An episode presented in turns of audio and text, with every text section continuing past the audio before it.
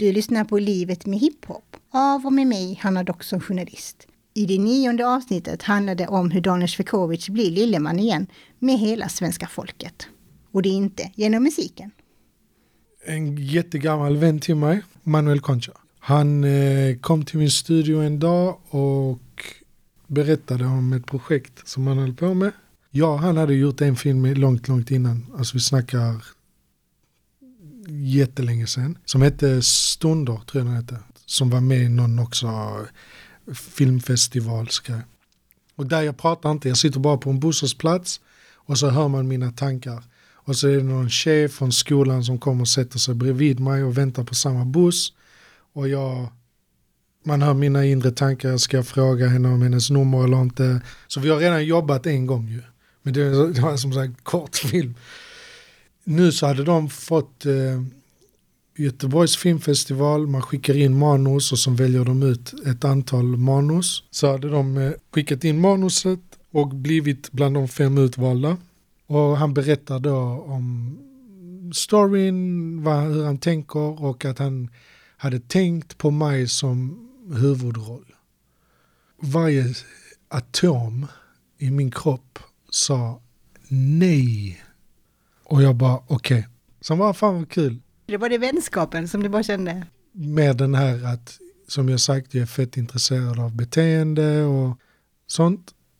Så det var att gå emot sin rädsla. Bara utsätta sig själv för jobbiga situationer och typ du är vuxen, du klarar det. Det, det kommer vara jobbigt, det kommer vara tufft, det kommer kanske vara tråkigt ibland och du kommer inte veta riktigt vad du ska göra. Fuck it, du löser det. Så det var bara en krigare i mig som bara sa vi kör. När han körde därifrån så ringde han och sa hallå, han som var där med dig i, i studion när vi pratade, vad var det han hette? Jag bara, Mano, det är min lillebror. Är det din lillebror? Jag bara, ja. Så han bara, men tror du han hade velat spela din bror i filmen? Jag vet inte, vill du det? Och han, min brorsa bara så, vi testar.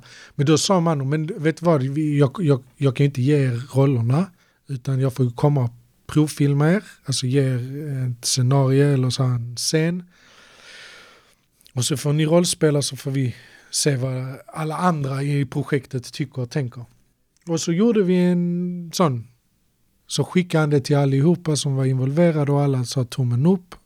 Så det var så vi fick eh, rollen. Och sen rollerna. Och sen eh, spelade vi in den.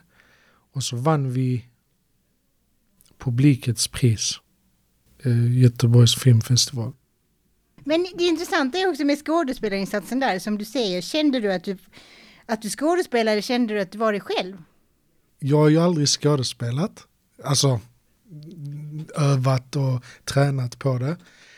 Så att jag gick ju egentligen bara på typ hur hade jag varit i en sån här situation. Och sen pressen och stressen av att vara framför en kamera höll ju tillbaka min verkliga reaktion, om vi säger som så. Jag hade ju säkert varit 20% eh, mer hype. Men jag tror väl att det är det Manuel gillade. Att jag var väldigt tillbakadragen och lugn. Men man kunde ändå se någonstans i, i min karaktär att det försiggick hur mycket som helst i huvudet. Förstår du att det, det finns så mycket mer. Sen var det så, efter vi vann det priset så, ja det hände inte så mycket. Men Manu, eller Manuel Concha var väldigt så, fuck it, jag kan inte bara släppa detta projektet. Alltså jag har jobbat för länge med det, det betyder för mycket, eller väldigt mycket. Så att han bestämde sig för att fuck it, vi gör detta till en långfilm. Han gick all in och verkligen vände och vred på alla stenar och till slut så träffade han bra folk och som bestämde sig för att vi kör. Då blev det en långfilm så vi fick göra om allting och det, det, det var nice. Alltså långfilmen kändes ju mer bekväm. Jag, jag tyckte det var fett bekvämt att jobba med Manuel. Jättebekvämt. Och resultatet blir då liksom den enda vägen? Den är inspelad i Malmö. Den handlar om eh, en, eh, två bröder som eh, ska iväg och träffa en vän, spela biljard. De sitter i en bil, rätt så fet bil, BMW. har ett samtal. Lasermannen då, Peter Mangs, dyker upp utanför bilen och avlossar ett par skott, träffar min karaktärs lillebror då, min lillebror på riktigt också, i ryggen som gör att han får sitta i rullstol. Och så handlar det mycket om att ett, ingen visste om Peter Mangs då. Alltså detta var i början. Vi blev behandlade som två blattar som är utanför och håller på med skit och ja, att vi är inblandade i någonting och så att det blir mer att ni är kriminella, ni får skylla er självkänslan än att oj, vad är det som har hänt? Låt oss hjälpa er. Men vad, vad tycker du själv om filmen? Älskar den. Men du, du ska ju absolut gilla den typen av film också. Ibland så är det precis som att han filmar dig och så känns det som att okej okay, nu byter vi scen eller nu bryts det. Men så bara nej nej. vi, vi ska in i din själ nu du vet. Och det, det var, och man bara känner, hallå hur jobbigt ska det här bli? Typ, det, blev, det måste sluta. Typ. Du vet, det blev som cringe fast med ångest om du förstår vad jag menar. Alltså det bara ger dig ångest. Och det är det som är nice att den känslan kommer fram jättestarkt. Men jag är som jag är. Alltså, jag, jag, alltså du vet, jag, alltså det är som nu till exempel, jag är i, i en podd.